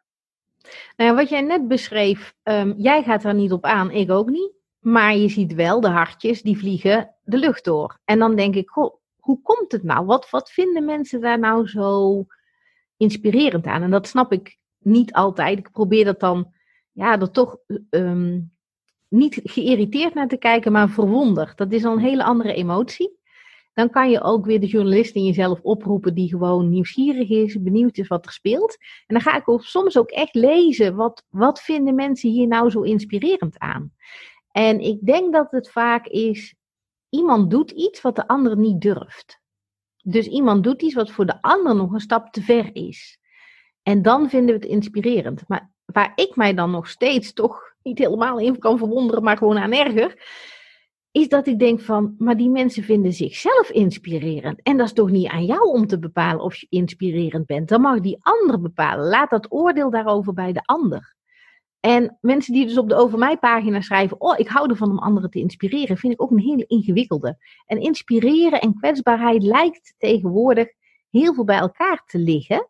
Terwijl ik denk dat dat niet hoeft het, het, het stukje kennis delen, waar nu steeds van wordt gezegd: nee, dat moet je niet doen, want dan deel je alleen maar je kennis en dat is niet inspirerend. Dan denk ik, nou, ik vind iemand met heel veel kennis kan ongelooflijk inspirerend zijn. En dat hij dan mij um, ook nog een tip meegeeft, ja, ik vind het niet zo'n ramp. Maar dat, alsof dat niet meer mag of zo, dat, wordt een beetje om, ja, onderschat zelfs. Je moet mensen infotainment bieden en entertainment bieden. Ja, ik, ik, hou er allemaal niet zo van. Dus als ik naar mezelf kijk, um, ik deel zelden iets over mijn situatie. Maar je ziet mijn situatie, want het is geen verborgen handicap. Het is er eentje die vrij zichtbaar is. Dus daarin voel ik mij kwetsbaar. Maar ik stel mij niet bewust kwetsbaar op. Ik denk dat dat een verschil is. Ja. En als ik iets deel over mijn situatie, dan is het omdat ik het relevant vind voor de tip die ik ga delen. Dus dat ik daar straks zei van, joh, ik zit zo op spreektaal, want ik heb um, proefondervindelijk gemerkt van, joh, dat vinden mensen leuk. En ja, ik kon niet anders, want ik spreek nou eenmaal tegen mijn computer. Dan vertel ik iets over, ja, het feit dat ik geen handfunctie heb, noem ik. Maar dat heeft, denk ik, dan in het geheel een, ja, een nuttigheidsaspect. Het heeft nut voor het verhaal. Het doet ertoe. En dan vind ik het oké om het te delen. Maar anders zomaar denken van, oh weet je, ik ga nou eens vertellen dat ik ontzettend misselijk was vanochtend. En dat ik uh, amper kon praten en dat uh, degene die mij verzorgde me niet kon verstaan en dat leidde tot dat en dat. En waarom zou ik? Nee, absoluut niet. Nee, dat heeft ook weinig met kwetsbaarheid te maken volgens mij. Nee, dat vind ik ge ge gezochte kwetsbaarheid. Of van laat ik nou eens iets ja. zieligs vertellen of zo. Ik weet niet wat het is. Maar ik word er niet uh, heel blij van. En je vertelde me ook uh, straks dat je een, uh, een beetje een bijzondere hobby hebt.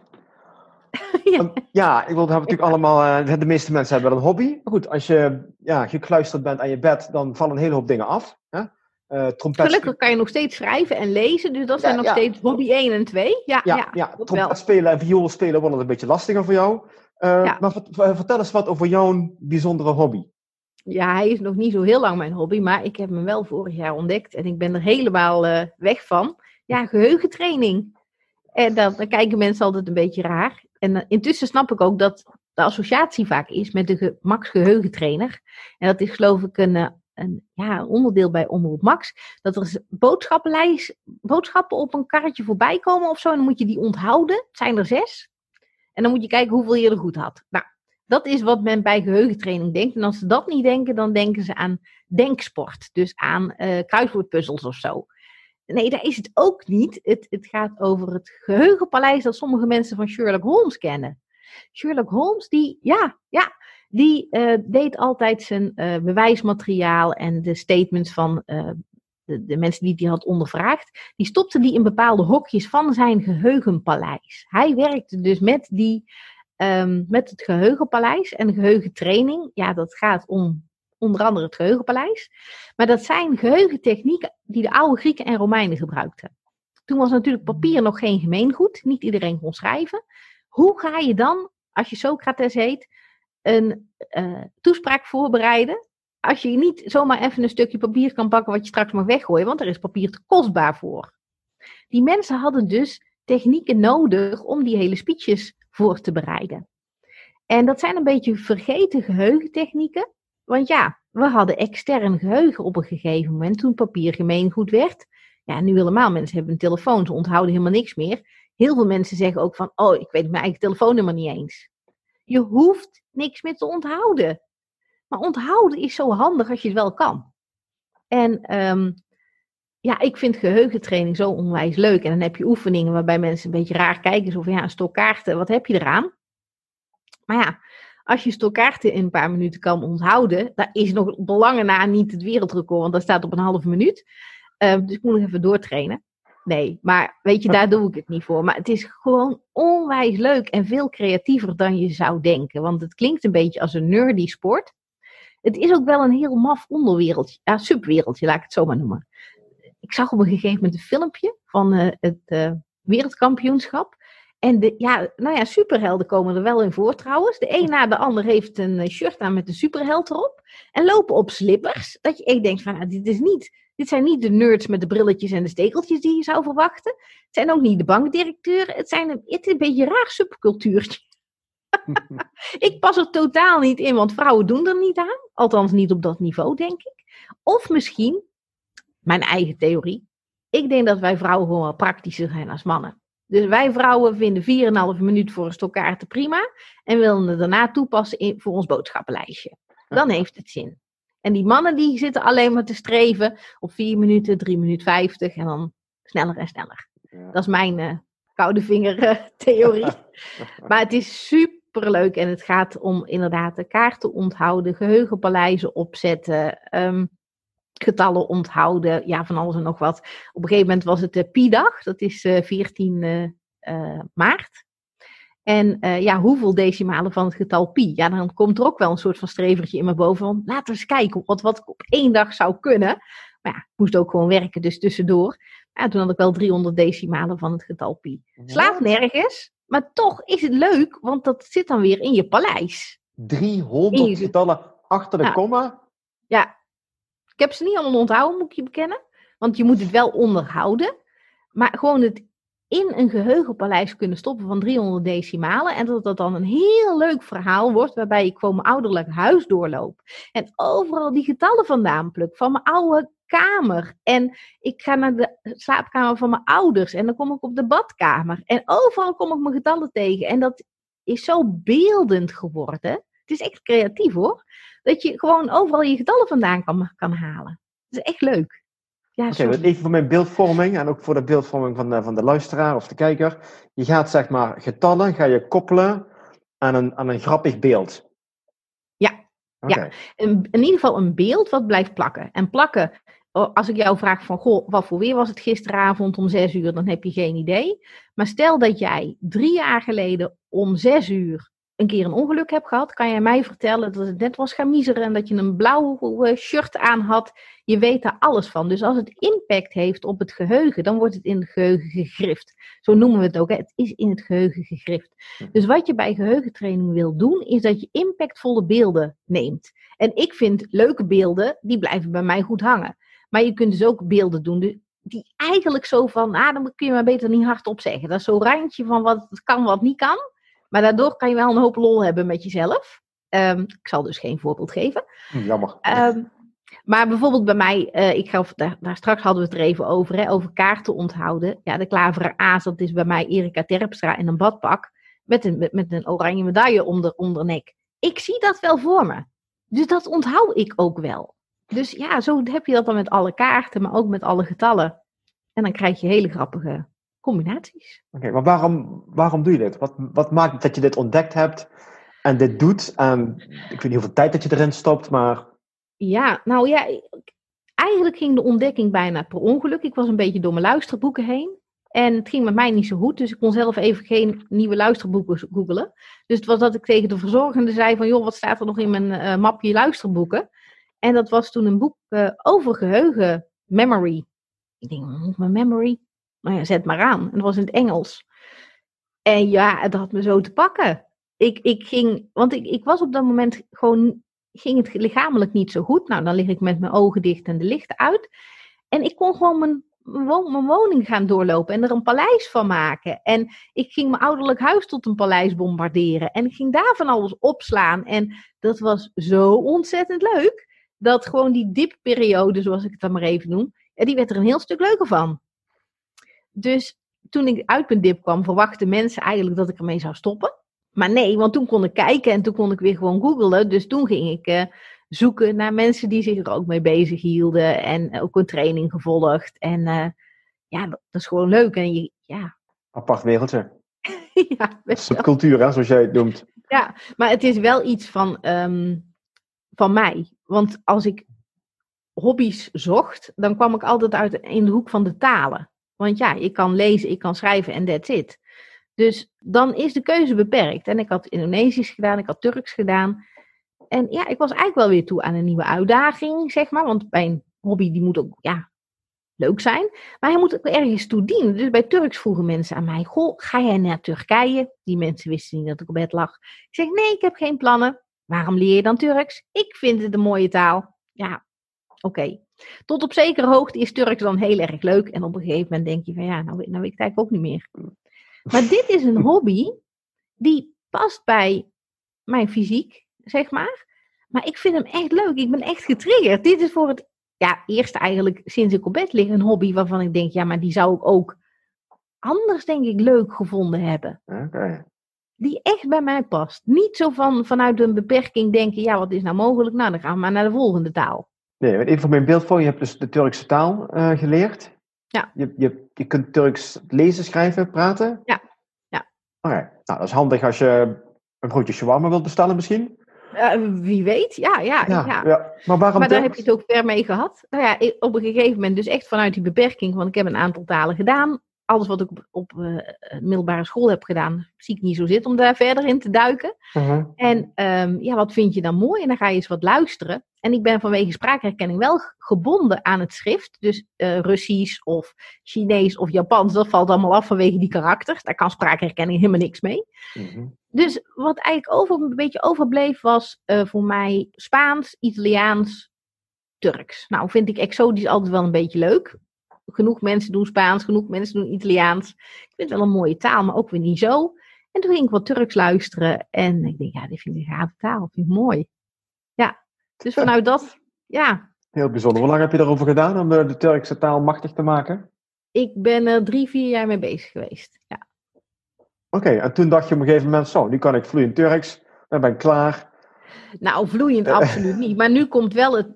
Je, komt bij een taal, kom je op het moment dat je denkt, en nou moet ik inderdaad er naartoe. Nu moet ik me kunnen onderdompelen in die cultuur. En daar kunnen rondlopen. En, en nog, want de uitspraak, ja, dat blijft Nederlands-Turks wat ik spreek.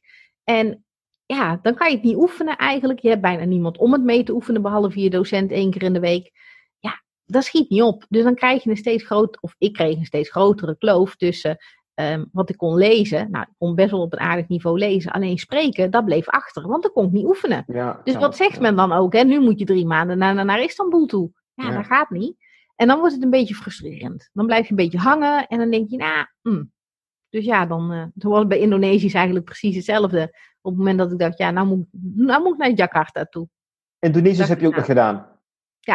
En daar, toen ben ik dus gestopt, echt vanuit zo van, ja, nou wordt het een beetje frustrerend. Nou vind ik het dan ook niet, niet leuk meer.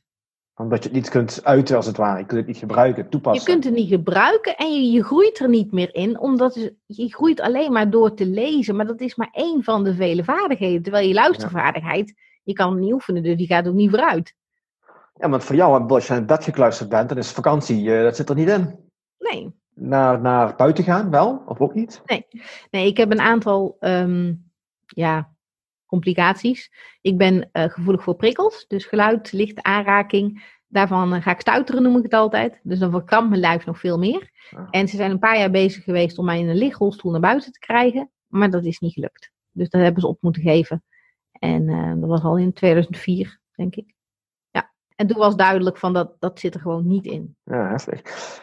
Ehm, we hadden toen straks heel even over een droom. Want ja, ik wil, ook al lig je op je bed. Heb, jij nog een droom? Inmiddels wel, maar het is wel een heel moeilijk onderwerp geweest altijd. Want dan zeggen ze van droom alsof alles mogelijk is. En dan klapte ik meteen, meteen dicht en dan werd ik verdrietig. Dan denk ik, help, niet alles is mogelijk. Ja. Een beetje dat gevoel zo van, je kan wel dromen, maar elke droom begint bij mij twee meter verder dan mijn voeteneind, namelijk voorbij het raam. Daar ligt mijn droom. Welke droom het ook is, die ligt daar, die ligt niet hier. Dus ik kon niet dromen. Dat heeft echt heel lang geduurd voordat ik ja, durfde, durfde te denken van, wel plannen maken. Hè? Ik was wel van de plannen maken en die mochten best ambitieus zijn. Andere mensen zouden dat misschien dromen noemen. Dus misschien heb ik ook de, de woord dromen altijd verkeerd geïnterpreteerd. Maar mijn interpretatie was van groots dromen en doen alsof alles mogelijk is. En dat, dat, dat lukte bij mij niet. Dus toen heb ik mezelf een tijdje een realistische dromer genoemd. Toen dacht ik van, nou weet je, ik droom vanuit eh, de wetenschap wat er is. En dan ben ik een realistische dromer. Dus ik droom binnen de beperking. Dat, dat ging al iets beter. Want dan ga je dus kijken van, oké, wat is er mogelijk met mijn werk? Nou, toen kwam dus het idee van, nou, ik wil eigenlijk mensen zelf leren om te schrijven en niet alleen meer bloggen. Want het gaat juist om dat je je stem durft te laten horen en dat het je eigen geluid is. Want als jouw stem op papier, ja, die kan even onderscheidend zijn als jouw spreekstem. Dan gaan mensen je herkennen. En dat is waar ik naartoe wilde met klanten. Ja, dan ga je dromen, hoe ga ik dat nou in de wereld zetten? Dus dat is wel een droom. Mhm. Dromen ligt ook dicht bij de Big Why. Dat vond ik ook altijd een lastige. Totdat ik Rick Tamlin tegenkwam. Dat was een Ameri- Amerikaanse coach. En heel het ondernemerschap is hij aan het reframen. Dus hij bekijkt het anders. En hij komt echt met leuke, originele invalshoeken die mij erg aanspreken. En die had het over de Big Why. En die zei, als je nou gewoon eens begint met het afmaken van een zinnetje. I am not okay with. Ik denk, oh, maar dat weet ik. Ik denk, oh, is dat dan mijn big why misschien? Hm, interessant. Want ik ging dus dat zinnetje schrijven, letterlijk. En ja, dan komt er van alles bij mij, zoals je weet. Maar wat er, er kwamen twee dingen. De eerste was, I'm not okay with untold stories. En toen denk ik, ja, dat is dus wat ik wil. Er zijn zoveel mensen die hun verhaal niet durven opschrijven door het stemmetje. Ik kan niet schrijven, ik ben geen schrijver. Ik had nooit een voldoende op mijn lijst voor Nederlands. En ze zeiden altijd, kind, je hebt dyslexie. Of iets dergelijks. Hè? Zoveel dingen die mensen tegenhouden om hun verhaal te delen. Of wie zit nou op mij te wachten? Wie zit er op mijn verhaal te wachten, op mijn visie te wachten? Wat heb ik toe te voegen? Wat is mijn meerwaarde? Zoveel stemmetjes. En I am not okay with untold stories. Ik denk, oké, daar kan ik wat mee in mijn werk. En de tweede die kwam, ik weet, ik kan niet naar buiten. Oké, en toch elke ochtend en avond eindig ik in dankbaarheid. In dankbaarheid dat mijn wieg hier heeft gestaan. Want ik kan de zorg vragen om mij te komen helpen. Ik heb techniek. Ik heb een blaasschakelaar waarmee ik de deuren kan bedienen. Ik heb een computer die ik met mijn stem kan bedienen. Jongens, wat ben ik gezegend dat ik hier geboren ben. Ik kan niet naar buiten, maar er zijn overal ter wereld kinderen die ook niet naar buiten kunnen. En niet omdat ze op bed liggen, net als ik, maar omdat hun familie zich geen rolstoel kan veroorloven. En I'm not okay with that. Dus die was, dat was mijn tweede I'm not okay with. En er is zo'n ongelijkheid in de wereld als het aankomt op geld. En geld maakt zoveel mogelijk toch ook bij dit soort dingen. En ja, dan is het Lilianenfonds, dat steunde ik al vanaf mijn achttiende. Die kopen dus inderdaad um, hulpmiddelen voor kinderen in um, Zuid-Amerika, Afrika en Azië. En die zeggen ook echt, kind, geef kinderen een toekomst. En dat is exact wat zij doen. Dus ze bekostigen operaties, therapie en dus ook hulpmiddelen.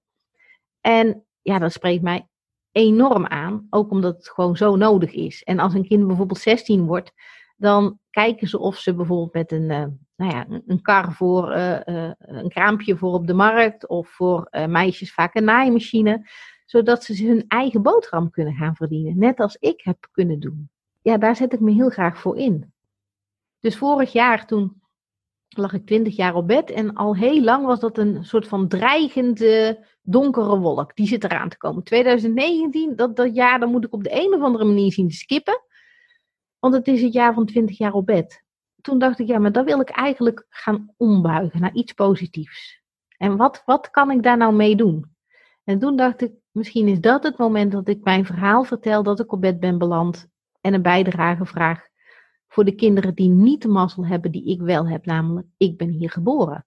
Ja, dat heb ik vorig jaar 2 juli, toen lag ik 20 jaar op bed, heb ik dat gedeeld. En dat is een structurele campagne geworden.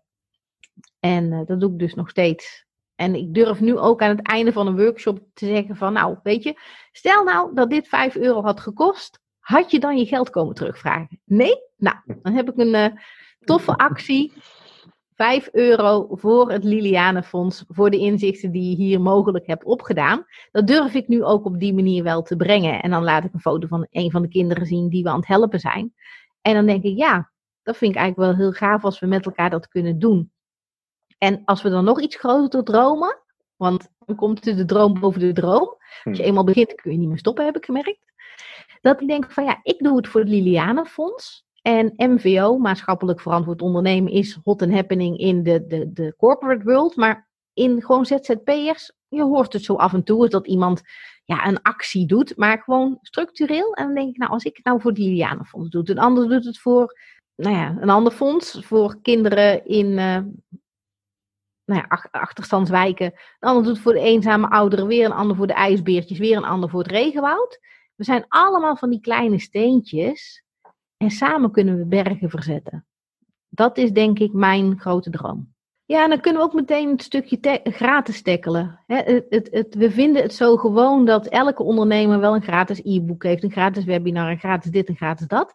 Maar als we het gewoon gaan vinden dat gratis betekent dat aan de uitgang gevraagd wordt voor een bijdrage en dat de, de ondernemer zelf vertelt waarom die geld inzamelt voor dat of dat.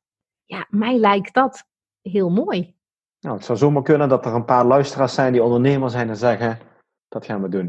Ik zou het sowieso heel fijn vinden dat als je nou luisteraar bent en bent tot hier gekomen en de verhalen inspireren jou, raken jou, het doet iets met je, je haalt er iets uit, om die 5 euro over te maken naar het uh, Liliana Fonds. Ik heb een filmpje gezien, dat is ook een heel mooi filmpje geworden. Dat zal ik ook uh, op social media kanalen delen. Dus op LinkedIn, op Facebook staan. Op mijn website ga ik het bijzetten. Bij de podcast ga ik het zetten. Dus is wow. een oproep als je dit hoort. Dat je na de podcast eventjes de moeite neemt om even dat filmpje te gaan kijken. En of je eventjes 5 euro uh, ja, zou willen doneren aan dat goede doel. Want dat is toch wel, uh, toch wel nodig. Natuurlijk heel veel goede doelen. Maar uh, neem in ieder geval de moeite om even naar het filmpje te kijken. Wauw, dank je Marcel. Graag gedaan. Droom jij s'nachts? Ja, maar ik lig nooit op bed. Als het de nachtmerrie is wel. Maar droom jij in je dromen dat je bijvoorbeeld kunt lopen of zwemmen? Ja. Of... ja? Alles. Ik kan alles in, mijn dro in die dromen. En, en soms ook in de rolstoel. Dat zijn ook leuke dromen trouwens. Hmm. Um, ja, maar echt op bed liggen. Ik heb één terugkerende nachtmerrie. En die is een nachtmerrie omdat die te veel lijkt op de situatie zoals die is. Dus als ik dan wakker word, heb ik ook niet door dat ik wakker ben. En dus dan blijf je bang. En dan lig je nog steeds op bed. Maar voor de rest lig ik nooit in mijn dromen. Nooit. Word je dan uh, het eerste moment als je wakker wordt, hè, die eerste fractie van een seconde, dat je tussen de dromenwereld zit en de realiteit, dat je dan heel eventjes denkt, ik, ik, ik lig niet op bed? Nee, het is heel soms dat ik wel denk van, oh shit. Zo van de werkelijkheid dringt weer door. Zo van, Ja. dit was een droom. Maar ja, ach, dan heb je de droom gehad. En die voelt wel soms als een hele dag. Een droom is misschien maar een paar minuten. Maar soms kun je een hele dag letterlijk dromen. En Ja. ja, dan heb je dan toch ook maar mooi gehad. Dus wat is Ja. tijd? Leef jij heel erg in het moment, heel erg in het nu? Ik probeer het wel. Want ik weet dat ik juist iemand ben die vrij veel de neiging heeft om in het verleden te leven. Ehm, ik ben ook iemand die best wel soms bezorgd kan zijn over de toekomst. Dus ik mag echt meer juist in het heden leven. Ik weet ook, kom ik weer met mijn schrijven aan. ehm, er is maar één manier om te schrijven en dat is in het hier en nu. Want anders werkt het niet. Dus dan ben ik echt, echt in het hier en nu. Dus als ik, als ik wil weten wat zich hier in het hier en nu bij mij afspeelt, nou, dan ga ik weer schrijven. Ja, ja ik kan me ook voorstellen dat, A, dat het een, ja, een, een, een, een roeping is niet het goede woord, maar het moet gewoon. Ja, Het, het is, een dag niet geschreven is een dag niet geleefd. Ja, nee, maar dat geloof ik, want dat is jouw, Ja. jouw eh, escape hatch misschien. Ja. Ja, jouw deur naar een mooiere wereld voor, je, voor, je, voor jezelf. Ook, maar ook eh, de deur waar mijn coach zit eigenlijk. Het is ook de spreekkamer van mijn coach, waar ik dingen kwijt kan, waar Ja. ik dingen kan spiegelen, waar ik dingen tegen een klankbord kan houden. En uiteindelijk zegt het papier niks terug, maar als je dan luistert naar die innerlijke stem, die heeft vaak wel de antwoorden. Dus ik zet mijn vraag op papier en mijn innerlijke stem geeft een antwoord. Dus het zijn heel vaak dialogen tussen ik, wie ik dan ook is, en de innerlijke stem. Wie die innerlijke stem dan ook is. Ik vind innerlijke stem nog mooie verhalen te vertellen. Altijd. Ja? Hm. Maar ik denk dat de innerlijke stem bij iedereen ehm, de vertaalslag maakt van iets wat je inspirerend vindt, naar de vertaalslag hoe je het kan toepassen. Wat ik daarmee bedoel is van je kunt naar iets luisteren en denken, oh, het is inspirerend. En dan ga je het avondeten klaarmaken. Mhm. Dus ik luister naar een inspirerende podcast. Iemand vertelt dat hij naar Oeganda is geweest. En ik kan denken, wow, inspirerend, maar ik kan niet naar Oeganda. Dus daar eindigt voor mij het stukje inspiratie. Ik kan ook na gaan denken, wat is mijn Oeganda? Of wat is mijn Oeganda-ervaring? En dat is, vind ik, je innerlijke stem die de vertaalslag kan maken naar je eigen leven. En pas dan komt de inspiratie volgens mij waar die moet zijn. Je moet daar actie van uit ondernemen. Jij had daar straks een quote. Weet je hem nog? Voordat wij begonnen. Ehm, het is dat, dat, dat je iets moet doen met die inspiratie. Want als die in jou blijft en je gaat hem niet delen en je doet er niks mee, Ja, ja, dan, ja. dan is het pas één stap. Maar die tweede stap moet je volgens mij ook zetten. Dus ook als je nu luistert en je denkt, ja, maar ik lig niet op bed. Nee, maar ga eens na, wat is jouw bed? Wat beperkt jou voor je gevoel? Of wat is jouw uitlaatklep? En dan kom je tot een inzicht. En een inzicht is nooit iets, naar mijn idee, wat een ander deelt. Een inzicht is iets, is die vertaalslag. Ja, wat je jezelf ontdekt. Ja. Want we hebben allemaal beperkingen. Absoluut. We hebben allemaal beperkingen. Ja, sommige zijn fysiek, andere zijn niet fysiek. Die zitten gewoon in het stemmetje wat maar verhalen vertelt, waardoor je in een loop blijft zitten en je komt er niet uit. En ben je ook, ook eh, eh, gevangen eigenlijk. Ja. Dus hoe kun je inspiratie gebruiken om je eigen verhaal te gaan herschrijven. Ja. En of je dat nou letterlijk schrijven doet, of dat je denkt, nou ja, wat schrijven is voor haar, is voor mij dat of dat. Nou, oké, ga het meer waarderen en ga kijken of je er meer uit kan halen. Ja. Want je zei toen straks, zei je van elke dag en elke, elke dag begin ik en eindig ik met dankbaarheid. Ja. Dat is gewoon een ritueel van jou geworden. Ja, ik weet niet of ritueel, dan, dan zie ik een aantal stappen voor me. Van elke dag doe ik stap 1, 2, 3, 4 en dat is mijn ritueel. Zo is het niet. Nee, het is meer wakker worden. Misschien ook wel weer even denken van, hè, ik kan weer niet bewegen vandaag. Dat dat nog steeds niet helemaal vanzelf spreekt. En dan meteen klapt er bovenop van, wacht even, ho, wacht even.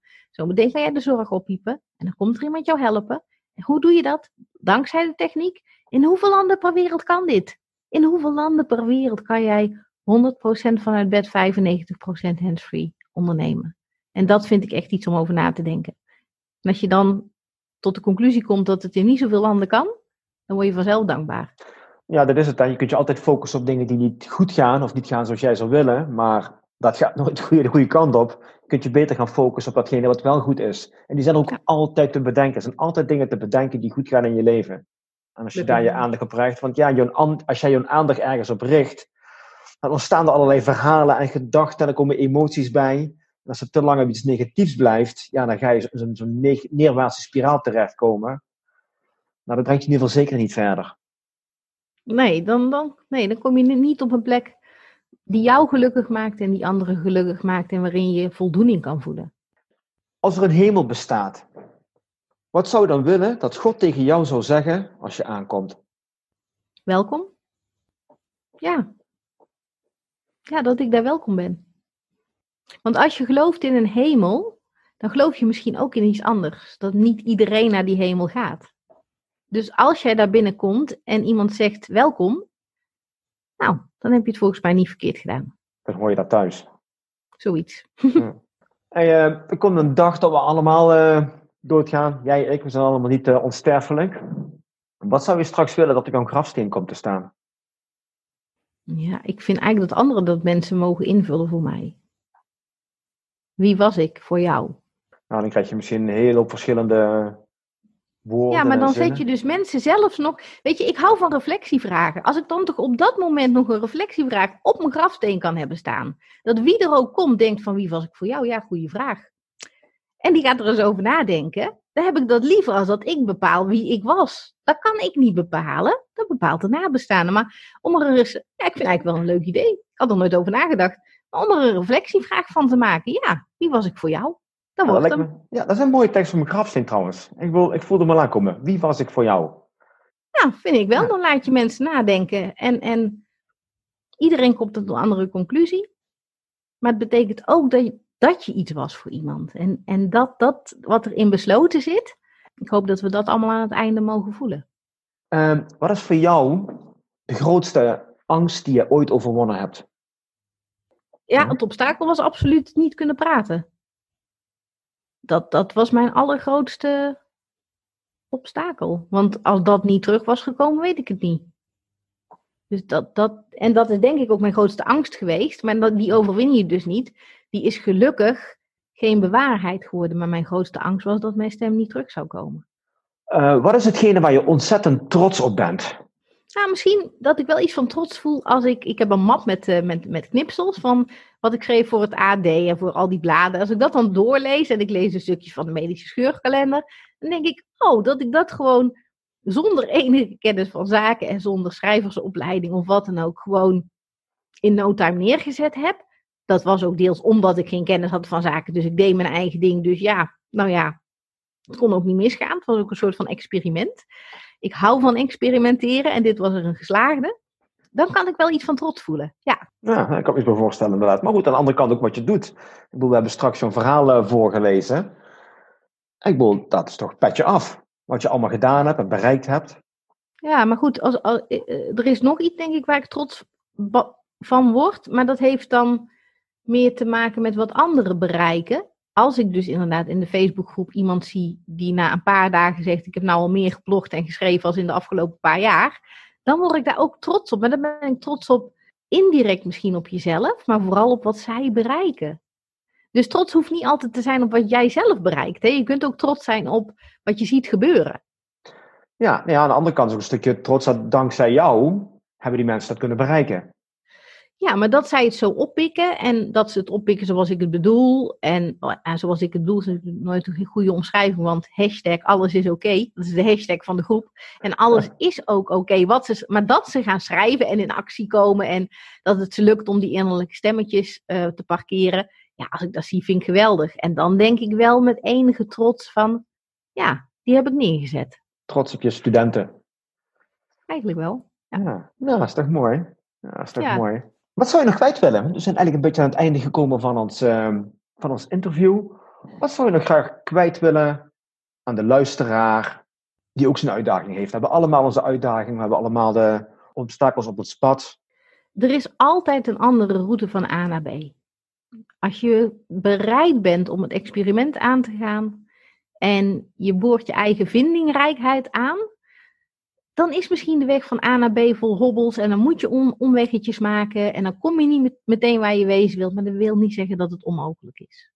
Heel veel dingen zijn wel mogelijk en misschien in aangepaste vorm, maar dat is niet altijd minder. Dat is dan gewoon jouw manier. Dus dat is er denk ik eentje.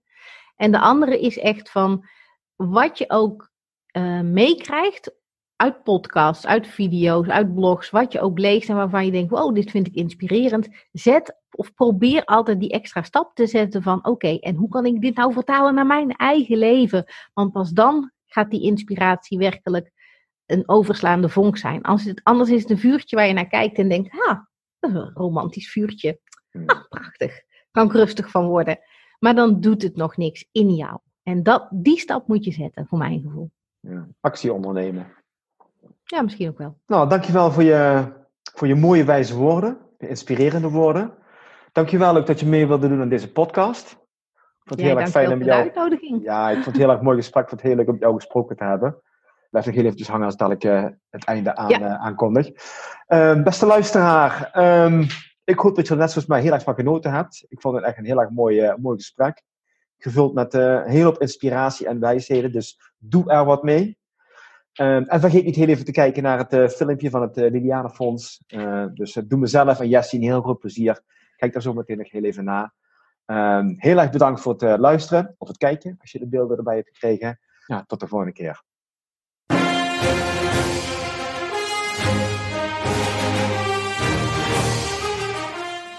Ik hoop dat je net zoals mij weer hebt genoten van de mooie verhalen van mijn gast en er hopelijk iets aan hebt gehad. Wil je meer inspirerende goodies ontvangen of hoe jij een fucking awesome legendarisch leven kunt hebben? Ga dan naar mijn website unleashtheherowithin.nl en meld je vandaag nog aan. Thanks for listening and until next time, stay awesome.